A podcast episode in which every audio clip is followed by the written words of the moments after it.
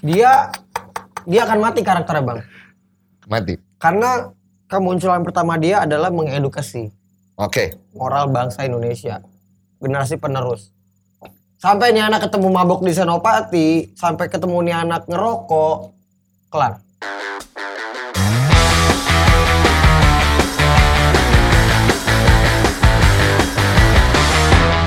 Jadi ini mau webcam doang ya tak tak tak udah Woi, mohon maaf, di sini bukan sembarangan ya. oke siap Siap. Eh Lex, thank you lu udah datang. Eh dicurhat bang, yoi. curhat bang Yoi, lu udah mau bantuin gue. Sebenarnya simple sih sebenarnya. Gue kan kemarin bikin konten tuh. Terus kemudian ini konten. episode keberapa Ini episode 2. episode 2 Yoi. oke Teh mata lu tuh bersihin dulu tuh. Emang ada? Ya guys, sambil juga berak-berak Udah malam ya. balik ibu kota Jam-jam malam. jam-jam malam. Oke. Lu lagi sibuk apa sekarang? Hmm, hmm.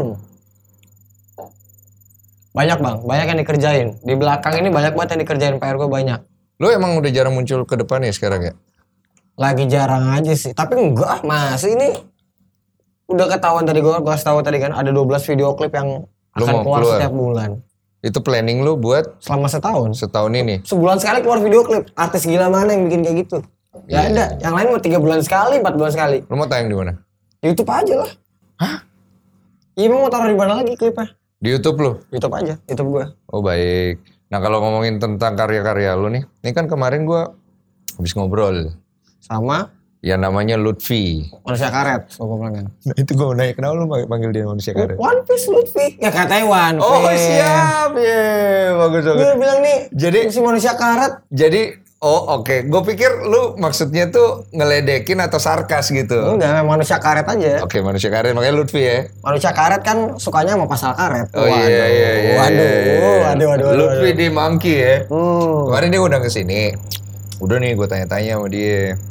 Jadi intinya kan sebenarnya gue juga agak bingung karena eh, apa isu tentang anjay, anjay. Anjay. Anjayani. Yoi. Anjay kan kau datang. Yoi. Banyak anjay itu. Siapa yang bikin dulu lagu ada anjaynya?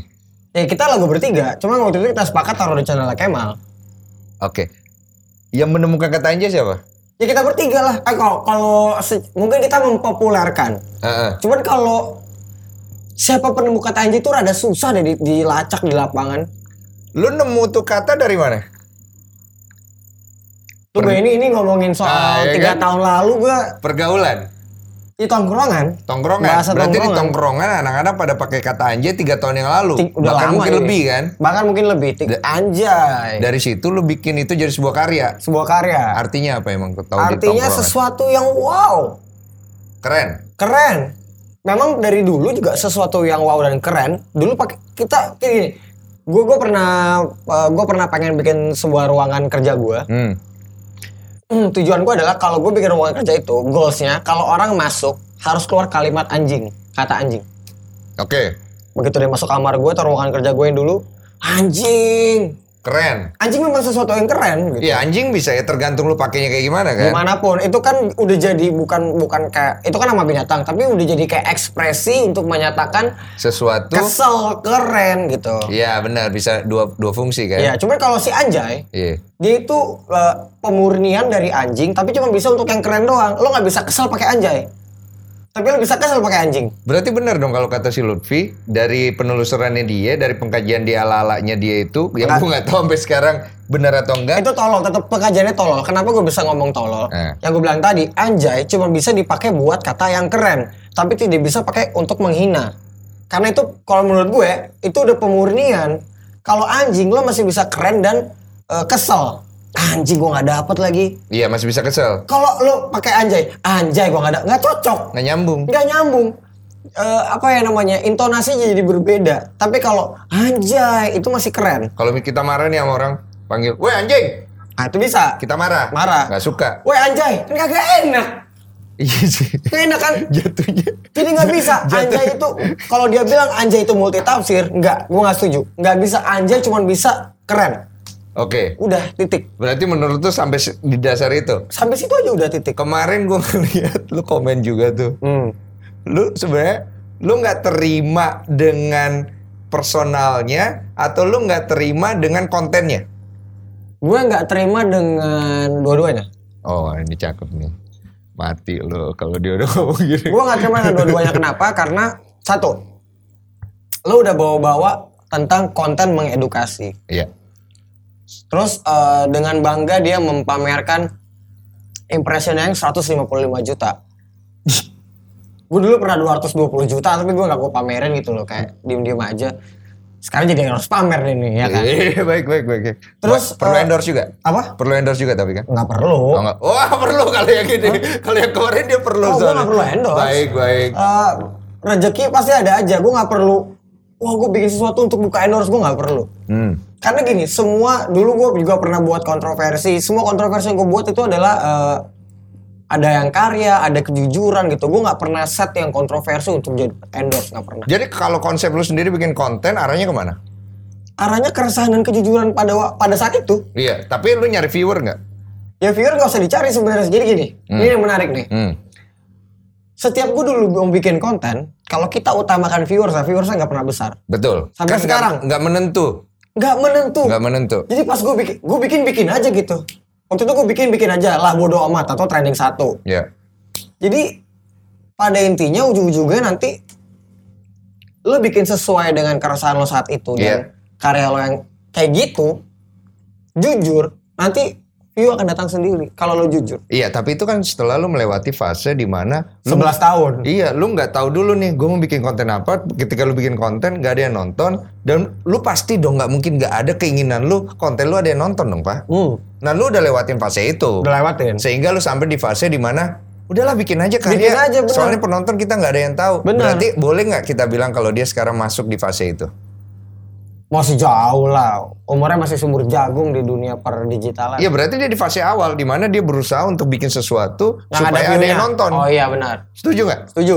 Berarti ini orang emang udah menyiapkan strategi untuk bikin sebuah konten yang konten itu kemudian akan jadi omongan. Kontroversi. Benar juga. Bener nggak? Bisa aja ada yang memboosting dari pihak-pihak yang ingin menutupi kebakaran di gedung kejaksaan.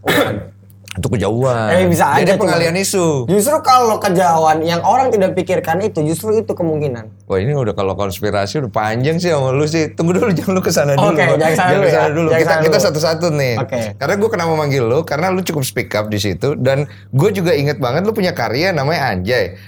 Gue gue pengen nanya, ketika konten itu keluar, honest speaking, jujur, tersinggung gak lu? Tersinggung. Artinya ketika akhirnya dia Oh, berstatement bikin konten edukasi. Iya, enggak Sih. konten edukasinya oke, tapi dia bilang semua orang yang memakai kata anjay harus take down. Bukan, gua nggak tersinggung. Gua malah kasihan. Anjing ini orang goblok banget gitu. Sam- lu nggak ada tersinggung sama, Sama sekali. nggak tersinggung. Beda nih, tersinggung sama sebel tuh beda. Lu sebel. Apa? Sebel tapi. Sebel karena goblok dinya. Gitu. Sebelnya bukan karena masalah dia mempermasalahkan anjay itu lu nggak boleh pakai, Hmm. tapi karena otak lu di mana bikin edukasi kayak gini gitu. Iya. Ju- Justru lu bukan mengedukasi tapi bikin orang tolol karena risetnya kurang dalam. Nah begitu begitu begitu bang anjing ngepost, Iya. kalau anja dalam bahasa Sanskerta artinya tidak terkalahkan kan lo mampus. oh iya, itu ada memang. Itu ada, Terus ada. begitu bang anjing ngepost, kalau anja dari tahun 1998 udah jadi nama-nama untuk daerah orang Cilacap segala macam. Terus gara-gara bang anjing ngepost dan konten gue keluar, ada beberapa orang 5 sampai 10 orang mention gue di Instagram ngasih lihat KTP-nya. Anjay Firmansyah namanya. Iya, ada. Kan jadi blunder dia. Itu benar, itu Risetnya jadi nggak dalam. Makanya gue bilang tolol kalau mau keluarin sesuatu, lu riset yang dalam dulu. Karena ini ngomongin yang luas. Tahan. Hmm. Kira-kira dia setolol itu nggak? Eh, Nah ini menarik nih. kayaknya enggak. Enggak. Kayak pre- kayaknya enggak ya kan? enggak. Dia Kita pretend, sama-sama pretend tolol. stupid aja. Karena kan dia bilang ada yang kedua, part kedua, ada part ketiga tuh, ada part keempat, segala macem. Berarti ada nggak indikasi bahwa gue bikin konten ini, gue udah tahu ini pasti akan jadi pro kontra. Gue pernah di posisi dia soalnya dulu. Ah, konten kreator cara berpikirnya sejauh Iya. itu. Ini ngomongin soal branding. Betul. Berarti kan dia adalah seorang anak yang berusaha untuk bikin konten. Dia pengen dapat exposure. Dan akhirnya dia dapat. Makanya dia ngomong. Dan itu tanpa sadar dia masuk ke dalam apa yang dia mau. Ya. Pertanyaannya. Orang-orang masuk ke semua apa yang dia mau sebenarnya. Betul. Lu kenal gak sama Rizky Bilar? Kenal. Belum pernah ketemu, Belum cuman pernah ketemu? tempat di nongkrong, tempat istri gue nongkrong juga. Oke. Di kafe yang sama, Oke. di sebelahnya Pak Estor tuh. Oke. Nah ini cakep nih. Ini gue mendapatkan beberapa DM. Ada yang ngomong kak itu sebenarnya dia sakit hati nih kak sama si eh, Rizky Bilar sama si Lesti kalau nggak salah. Hmm. Karena eh, waktu itu dia pengen bongkar-bongkar settingannya mereka, terus nggak berhasil, terus dia bikin konten anjay ini karena si Rizky Bilar sama si Sering ngomong anjay. Yes, sering ngomong anjay. Salah satu cara untuk nyerang ke mereka. Make sense gak buat lo? Ada kemungkinan. Ada kemungkinan. Yes, ada dua kemungkinan. Nah, Memang mereka bertiga udah sekongkol. Mati gak lo? Ini Ah, serem deh. kemungkinan kedua- Kemungkinan ya, kita ngomong kemungkinan. Kita Kemungkinan. nggak, kita tidak menuduh. Ini kemungkinan aja. Kemungkinan ke- pertama, kemungkinan kedua ya memang dia baper aja. Siapa yang baper? Si Lutfi. Lutfi yang baper? Mungkin Dari kalau si- yang dengan tadi asumsi yang pertama tadi. Dari sisi mana? mau bongkar itu nggak jadi, mau bongkar itu cuma nggak bisa. Nah, kalau Lutfi sekarang dia ada urusan emosional, makanya dia pengen bongkar itu nggak bisa. Kemudian dia bikin konten lain Anjay untuk nyerang ke sana. Tapi kan Anjay bukan hanya Bilar sama Lesti yang ngomong, hampir semua pakai pak. Make sense gak buat lo? Kalau cuma dipakai buat nyerang ke situ, Kayak tujuannya bukan ke situ deh. menurut lo? Tujuan tujuan dia viral karena Rizky Bilar lagi naik. Iya, Terus si Bilar juga nanggepin, iya. makanya heboh. Berarti dari awal dia melihat konten itu punya potensi untuk viral Ya, karena beracu kepada si Bilar. ya. Kalau kalau dalam kata lain Bilar itu boosting ya, ngeboost. Iya iya iya karena si Bilarnya lagi naik nih. Iya dia lihat nih atribut yang sering dipakai sama si Bilar salah satu Anjay itu yang menjadi personifikasi dia untuk gue penasaran nih sama Anjay ini. Padahal dia juga pernah pakai pak. Dia pernah pakai. Komen dulu itu kan dulu. Iya dia pernah pakai. Tapi dia nggak denial untuk masalah itu. Gue juga pernah pak. Tapi pembelanya Gua dia lihat. Enggak. Orang boleh berubah dong bang. Hmm. Tapi buat gue itu agak bullshit sih. Karena buat gue pribadi gak, gak ini konten. Konten. Menurut lo konten gak atau urusan pribadi? Konten. Konten. Konten dulu. Urusan pribadi dan segala macam nomor sekian. Konten kan? Dia butuh konten. Dia butuh konten buat dapetin exposure, untuk naikin dia punya platform sosial media, berurusannya dengan duit. Tapi kan sekarang IG-nya hilang. Iya, itu kan salah satu konsekuensi Bang, lain. gue pernah bikin kontroversi. Iya. Gue pernah video video dislike terbanyak se Indonesia. Bahkan waktu itu ngalahin video dislike-nya videonya Kanye West yang famous. Iya, iya. Yang famous Ber- kalahin berapa banyak dislike lo? 400 ribu lebih. Banyak banget. Terus terus. Tapi kok gue nggak IG gue nggak hilang? Kok gue nggak di report orang? Hmm. Karena gue nggak bikin semua orang sebel. Apa dia sengaja ngilangin IG-nya dia? Dan pura-pura IG-nya Nggak di mungkin report? sengaja dihilangin. Karena ada curhatan baru. Kalau dia harus refund. Oh iya, iya, iya. karena ada endorse masuk ya. Ada endorse masuk ya. Oke. Jadi kan bisa posting. Gue kan sempat ngomong sama dia. Katanya Anjay ini adalah konten bang. Gue nggak ada maksud sebenarnya sama sekali nyerang orang. Oke. Terus gue nanya, ada unsur pansos gak? Terus dia bilang, kalau sama lu pansos bang. Tapi kalau sama eh, Doi tuh, dia nggak mau sebut namanya kan. Tapi gue tahu sih sebenarnya. siapa? Gue, Ya, se- Bilar. Bukan ke Bilar sebenarnya. Ya gue gak pansos dong kata dia. Dia yang pansos sebenarnya. Nah, secara kan Bilar langsung. lebih terkenal. Yang namanya pansos tuh yang tidak terkenal memanjat. Ini panjat sosial. Yang dipanjat bukan yang di bawah, yang di atas. Oke, ini cakep nih. Ya iyalah masa yang dipanjat di bawah itu namanya narik. Bener. Jadi yang yang di bawah manjat ke atas Iya kan? iya, jelas lah. Jelas banget nih posisinya Bilar di atas nih. ya kan? Jelas dari follower, dari engagement, Following engagement. dari keterkenalan. Lu pernah nggak nemu satu pun di sosial media si Lutfi nyerang si Bilar? Personal? Belum pernah. Belum pernah. Pernah nggak lu nemu di sosial media Bilar nyerang Lutfi personal? Belum pernah secara belak-belakan, cuman secara sarkasem udah Ada. ada. Berarti Bilar ada nggak tersinggung dengan usaha si Lutfi? Mungkin iya kali, mungkin gini, gue nggak tahu ya, mungkin bisa salah. Iya. Mungkin si Rizky Bilar lagi baru naik. Betul. Mungkin si Rizky Bilar tidak tahu konsekuensinya merespon seseorang Iya. itu akan berdampak menjadi dia menjadi besar. Betul. Dia belum tahu konsekuensi Betul. itu mungkin. Jadi mungkin Betul. Eh, si Bilar nih nanggepin si Lutfi. Mm-mm. Akhirnya Lutfi jadi naik. Dia nggak tahu tuh kalau dia udah powernya sebesar itu si Rizky. Dia bisa memberikan pengaruh seperti itu. Iya. Berarti ketika konten si Anjay itu naik, dia menjadi lebih besar karena si Bilar itu nanggepin. Hmm. Kalau Bilarnya nggak nanggepin, konten itu hilang Iya, aja jadi gitu. bola salju kan begitu Bilar nanggepin, media makan, media kan media dan Indonesia kan suka dengan pertikaian. Media makan, wah jadi sebuah ini, udah gitu KPA KPA eh, KPAI makan. Hmm. Jadinya Jadi tetap posisinya yang pansos si Lutfi.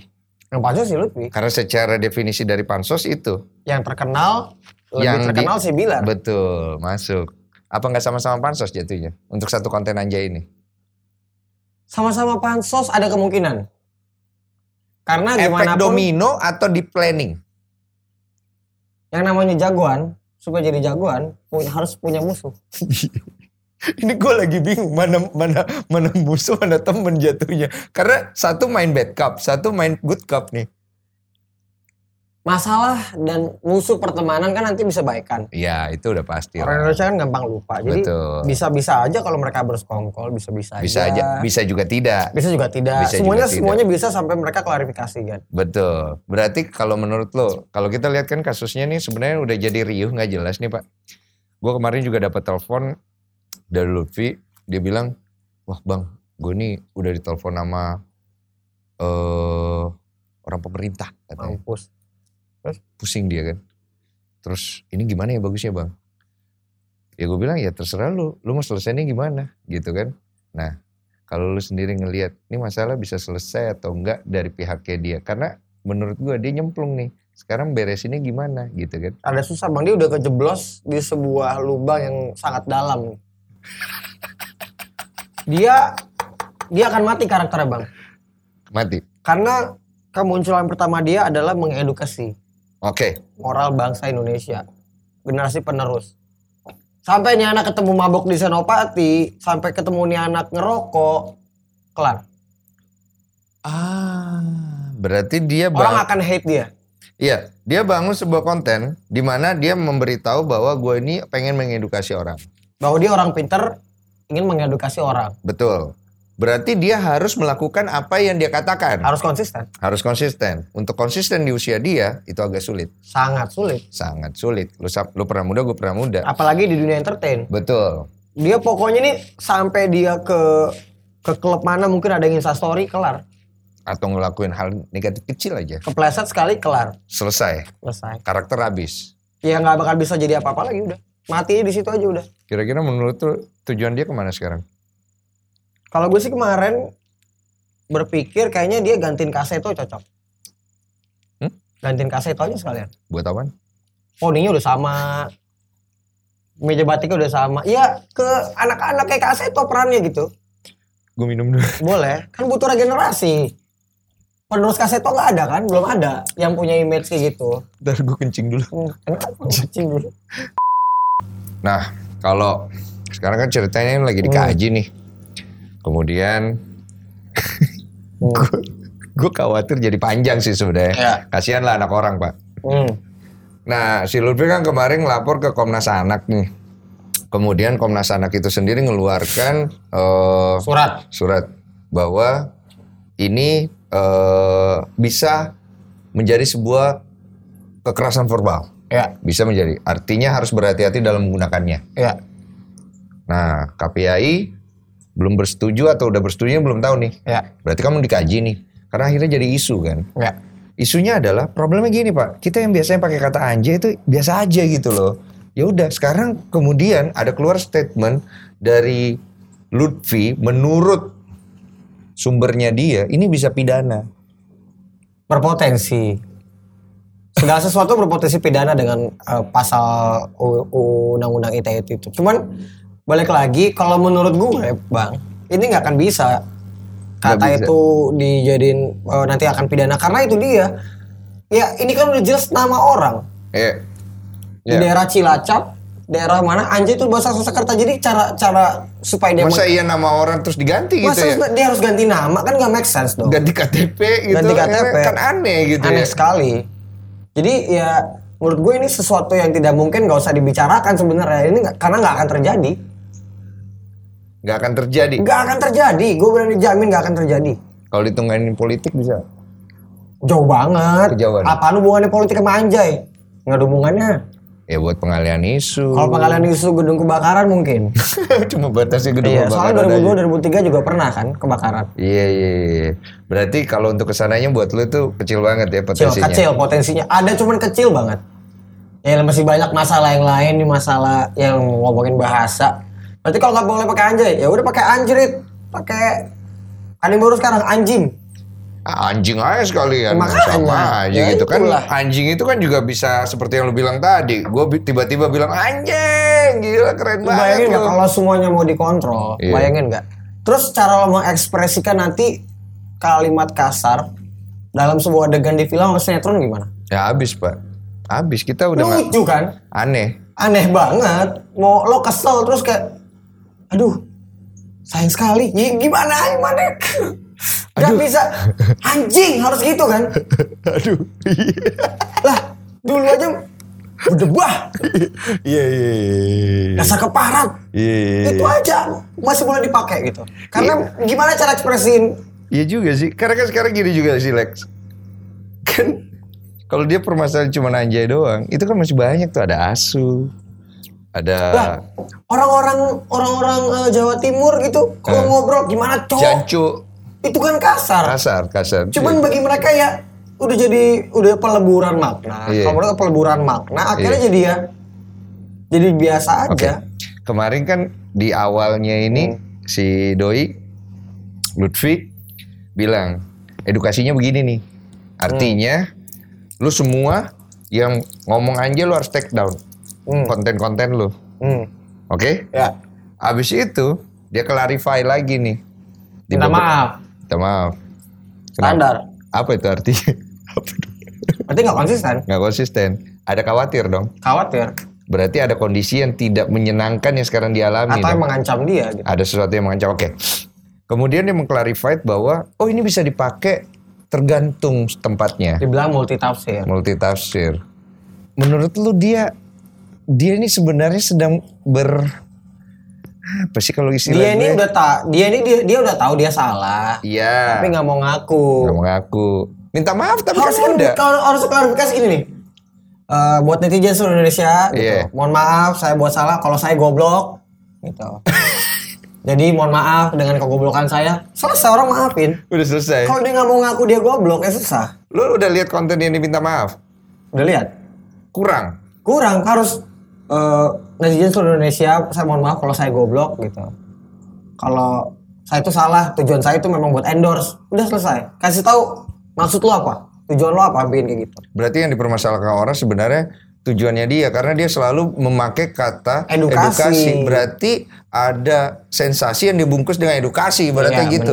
Jadi tujuan awalnya itu dia bikin konten memang ngejarnya ke money and fame fame baru dapat money dari sensasi endorse. dong maksudnya. sensasi Itu bukan prestasi. edukasi mah nanti aja dulu Yang gue bingung sampai sekarang juga emang iya kalau emang lu mengedukasi dari titik mana lu mengedukasinya emangnya lu guru kan atau orang makin emangnya lu sebel apa orang gitu makin loh. sebel Iya. terus dia dia dia bikin pembelaan kalau ada kok ibu-ibu yang DM saya terima kasih segala macam segala gini gini Ada gini. satu dua orang mungkin ada gitu.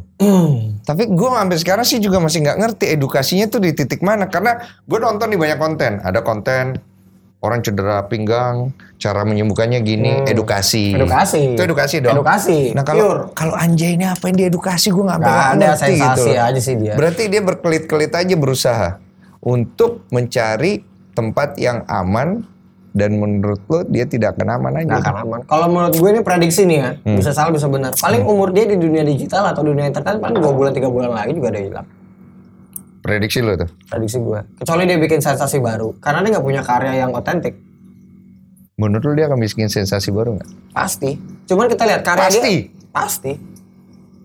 Karena itu jadi jangki kan, kecanduan buat dia. Satu-satunya cara supaya dia nama dia naik harus pakai sensasi.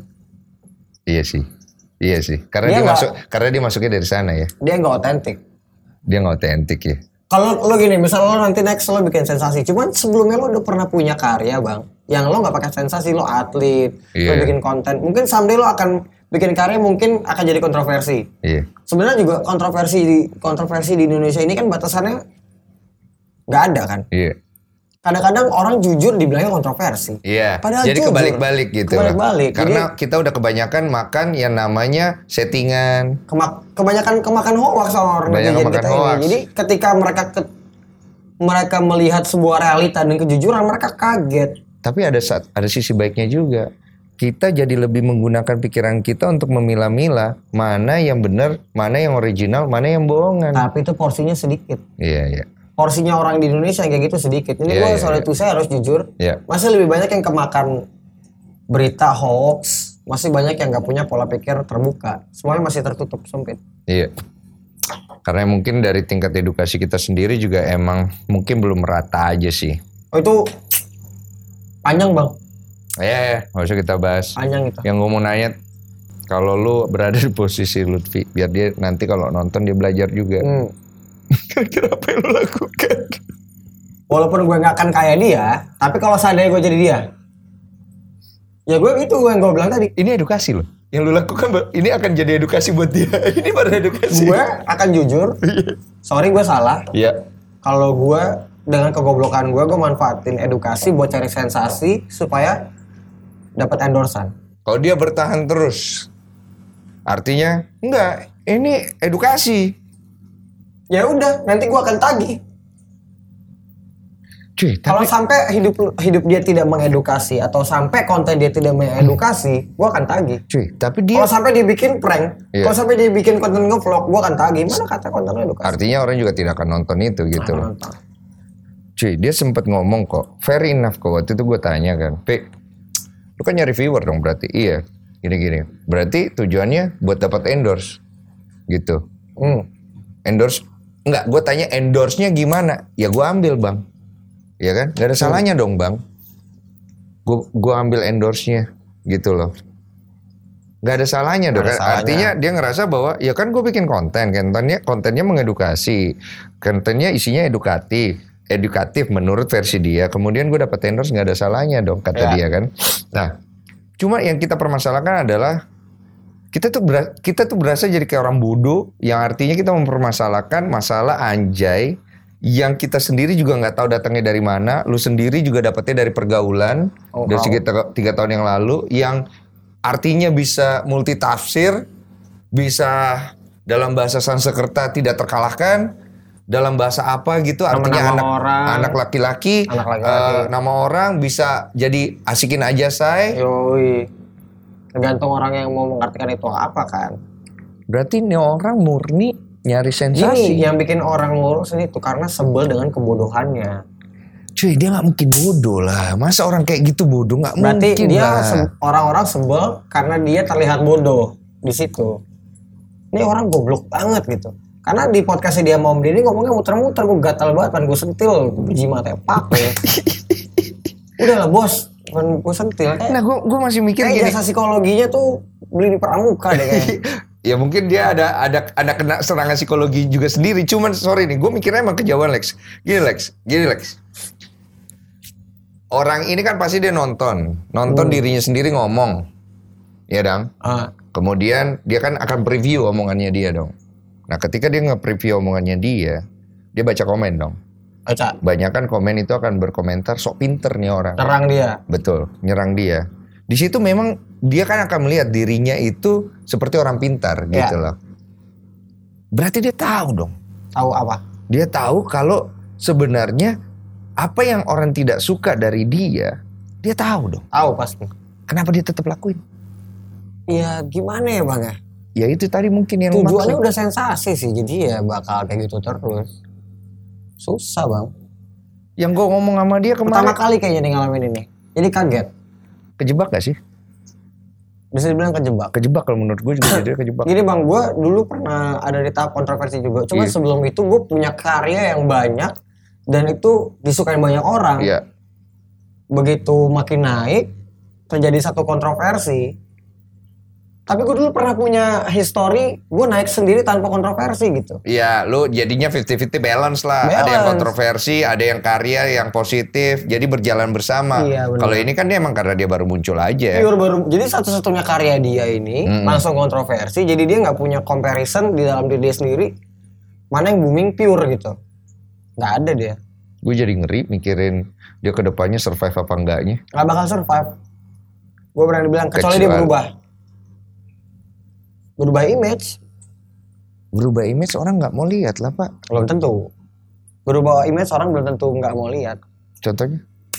banyak yang berubah image Iya banyak yang berubah image. banyak course, dan ber- gitu. banyak yang berhasil Betul. tampil yang luar Tapi itu suatu hal yang harus datangnya dari hatinya dia sendiri. dari dia sendiri Iya kan nggak bisa dia ngesetting. ya Kalau itu ujian dia uji ujiannya dia lah nanti Iya, Kita lihat, dia bisa gitu. bertahan nggak dia di dunia karena hmm, public enemy Indonesia tuh tetap akan selalu butuh public enemy pasti ada dan tidak ada memang dunia akan begitu juga. Oh. Karena kalau kalau emang udah terciptanya kan udah pasti ada yang baik, ada yang buruk, ada public enemy, ada hero. lirik harus ada yang dibenci biar ada yang disukai Betul. Harus Dan ada- bisa kebalik loh one day. harus ada yang disukai Ya bisa kebalik. Yang tadinya dibenci bisa jadi disukai, yang tadinya disukai bisa jadi dibenci. dan- bisa bisa dan itu berdua eh, itu tetap akan balance tuh yang disukai dan dibenci kalau nggak aneh Hmm, kata itu akan selalu berpasangan Oke. Berarti kita udah sampai ke kesimpulan akhir. Satu, orang ini menurut lu bodoh karena dia membuat sebuah konten yang menjebak dirinya sendiri atau berpura-pura bodoh atau berpura-pura bodoh. Ya intinya bodoh udah. Iya. Yang kita Gitu. lihat bodoh. Kalau gue Iya. lihat bodoh. Gue belum pernah ngobrol langsung. Iya, kalau kita artikan bodoh itu sebenarnya sih bukan artinya orangnya nggak sekolah atau nggak apa gitu, tapi Oh banyak yang sekolah bodoh kok banyak.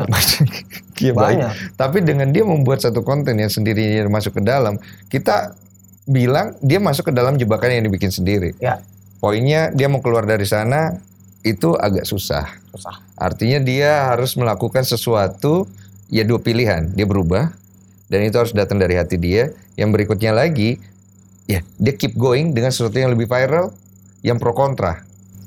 Tetap akan banyak yang benci sih. Kalau dia masih main di di ranah ini, rada susah. Tapi dia nikmatin kayaknya, Pak. Ya udah silakan nikmatin kebencian itu gitu. Susah. Ih, gue ngilu lu. Kenapa ngilu? Gue pernah berada di posisi kayak gitu, itu nggak enak banget, Pak. Sama gue juga pernah. Itu kalau kita baca komen ter Bisa ya, dibilang gini, dulu, dulu, dulu bisa dibilang tiga tahun dua tahun lalu gue public enemy-nya nih. gue juga pernah jadi public enemy. Posisi gue bergeser, gue dari public enemy atau dari pilihan. Iya. Kalau di superhero, sekarang gue jadi vigilante gue. Apa tuh artinya? Bebas. gue bisa jadi jagoan, tapi gue masih penjahat juga. Baik, baik. Vigilante Jadi, tuh- jadi masih di tengah dia. Gue di tengah Deadpool gitu. Iya, Deadpool. Iya, iya, Gue iya. bisa ngapain aja Iya, iya, iya. Gitu. Itu itu sebenarnya posisi paling enak. Oh paling sebenarnya. enak gua. Bener kan gue? Paling enak. Bener kan? Gua mau minum, mau mabuk, orang nggak Bebas. minum, bebas. Karena lu tidak terjebak dengan pencitraan yang lu bikin sendiri. gak pernah, yo nggak pernah mencitrakan diri gue seperti gue ya apa adanya aja. Gue uus orang-orang yang di depan dan di belakang kamera ya sama. Kalau ketemu gue di depan kamera nih sekarang, Iya. sama ketemu di belakangnya begitu orangnya nggak ada dirubah-rubah. Lu mulai mengalami perubahan lu sendiri itu dari kapan? Perubahan apa nih? Dari tadinya lu villainnya masyarakat nih. Hmm. Kemudian lu mulai ngerasa atau emang lu berstrategi atau gimana lah terserah lu. Hmm. Kemudian lu mulai ngerasain perubahan itu dari kapan? Dari waktu sih, Itu berapa tahun yang lalu? ya butuh tiga tahun, dua tahun, tiga, Tiga tahun. tahun. Ada ada penyebab gak? Eh, penyebabnya mungkin status berubah gitu. Karena lu menikah. udah punya anak Oke. gitu. Terus umur juga ngaruh bang. Nguru, u- udah pasti satu paket. Tiga tahun empat tahun lalu, buset, masih brutal ya nggak? Masih 24 tahun. Memang gue masih muda 28, tapi satu tahun aja itu berpengaruh merubah pola pikir seseorang. Gimana tiga tahun empat tahun? Satu hal, tahun. hal yang paling mendasar deh. Hal yang paling mendasar. Pernah gak sih lu ngalami satu satu titik atau satu hari atau satu condition tiba-tiba, wah gue capek nih begini nih anjing nih. Kayaknya udah waktunya gue bikin sesuatu yang baru dikarenakan sesuatu. Gue pernah soalnya. Kalau gue sampai saat ini belum. Belum. Masih lempeng-lempeng aja. Oh jadi lu ngeflow aja gitu. Ngobrol aja. Oh ketika lu bilang lu berstatus punya istri, Hmm. oh lu udah Nah. punya mindset, oh gue punya istri nih. Ya. Oh lu nggak tiba-tiba membebani diri lu, wah gue punya Gua harus istri berubah, nih. enggak. Gua harus berubah. Oh enggak, gitu. Walaupun punya anak juga gue enggak. Tetap gue, ya gue jadi punya tanggung jawab lebih. Mungkin orang juga ngelihatnya jadi ada gini. Kalau dulu belum punya anak, ada sesuatu yang tidak bisa dia lihat. Tapi ketika ada gue main sama anak gue segala macam di Instagram, jadi orang mulai berubah sendiri kok. Padahal gue nggak berubah sebenarnya.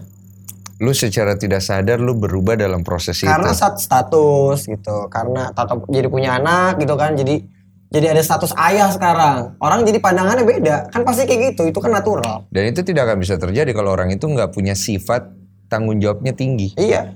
Dan lu punya itu, Lek? Punya dong. Iya, Punya dong. iya, iya. Terus gue jujur, maksud gue emang ini jelat.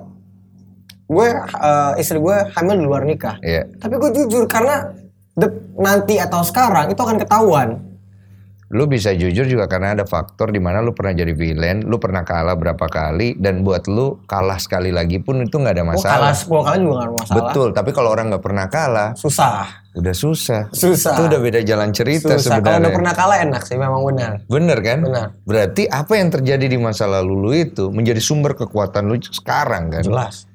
Jelas banget. Si Denzel Washington nih penutup pernah ngomong gini. Iya, Kalau lo jatuh lima kali, berarti lo bakal belajar bakal belajar bangun enam kali. iya pasti, Kalau lo jatuh 8 kali, lo akan belajar bangun 9 kali gitu terus sampai mati. betul. Jadi kita harus belajar bangun terus sampai nanti kita nggak jatuh lagi. Itu cakep sih sebenarnya. Ini kan dia kasarnya jatuh nih. Dia harus bangun sekarang. Bangunnya dengan cara apa itu dia jo, dia dia dia doang yang bisa nemuin. Wah, apakah nanti mungkin dia ada tawaran main film terus dia perannya jadi bagus banget, main filmnya totalitas, mungkin orang lihat oke, akhirnya dia punya karya yang Kalau kita masih nyambungin sama Lutfi, isi Lutfi. kira-kira si Lutfi, kira-kira kalau datang ke lu, bang bantuin gua keluar dari kesulitan seperti ini, lu bantu nggak? Bantu aja cuman harus jujur. Itu itu persyaratan lu. Lo jujur nih lo ngomong dulu kalau menurut tapi menurut gue sih kalau lo tuh memang bego, lo nyari ini buat duit sama endorse. Kalau dia jujur kayak gitu orang pasti akan suka. Orang respect. Respect dong. orang Orang respect. Jadi nggak munafik. Mungkin nggak dia udah tahu hal itu? Artinya kalau gue jujur, gue bisa keluar dari Tapi memang pahit bang. Itu kayak dia lagi kena penyakit nih. Ini ada obat nih, tapi obatnya pahit banget. Lo siap nggak? Tapi kalau minum lo sembuh. Ah, iya, iya, iya, iya. Tunggu, tunggu, Obatnya tunggu, pahit tunggu. banget nih. Tunggu, dari kalimat lu tadi, kalau lu jujur, lu keluar dari masalah ini. Mungkin nggak dia udah tahu kalau gue jujur, gue keluar dari masalah ini. Mungkin dia tahu. Mungkin dia tahu. Tapi dia tahu rasa itu pahit. Jadi dia nggak mau. Dia nggak dilakuin. berani minum. Nggak berani minum. Dia nggak berani minum, atau dia membiarkan itu sampai dia mendapatkan exposure yang dia mau. Bisa jadi. Ada dua. Ada orang yang nikmatin sakitnya. Ada dua ya. Iya. Ada dua ya. Ada orang yang nikmatin sakitnya. Kenapa kalau dia nikmatin sakit dan dia tetap harus sakit supaya dia bisa bolos kerja. Nah mungkin itu dia. Kalau yang kedua sih bahaya sih. Itu gangguan gangguannya bisa ke jiwa, Pak. Kalau yang nomor nggak? satu normal. Normal. Namanya pahit obat ya kita mikir dulu. Minum. tahu kapan waktunya tiba kan untuk Betul. minum. Oke kalau begitu. Thank you so much buat kehadiran lo. Hmm. Mantap. Terus Enak ya. Kopi hitam dan kopi light. Obrolan sahabat. Obrolan. Curhatan, curhat ya bang. Curhat bang.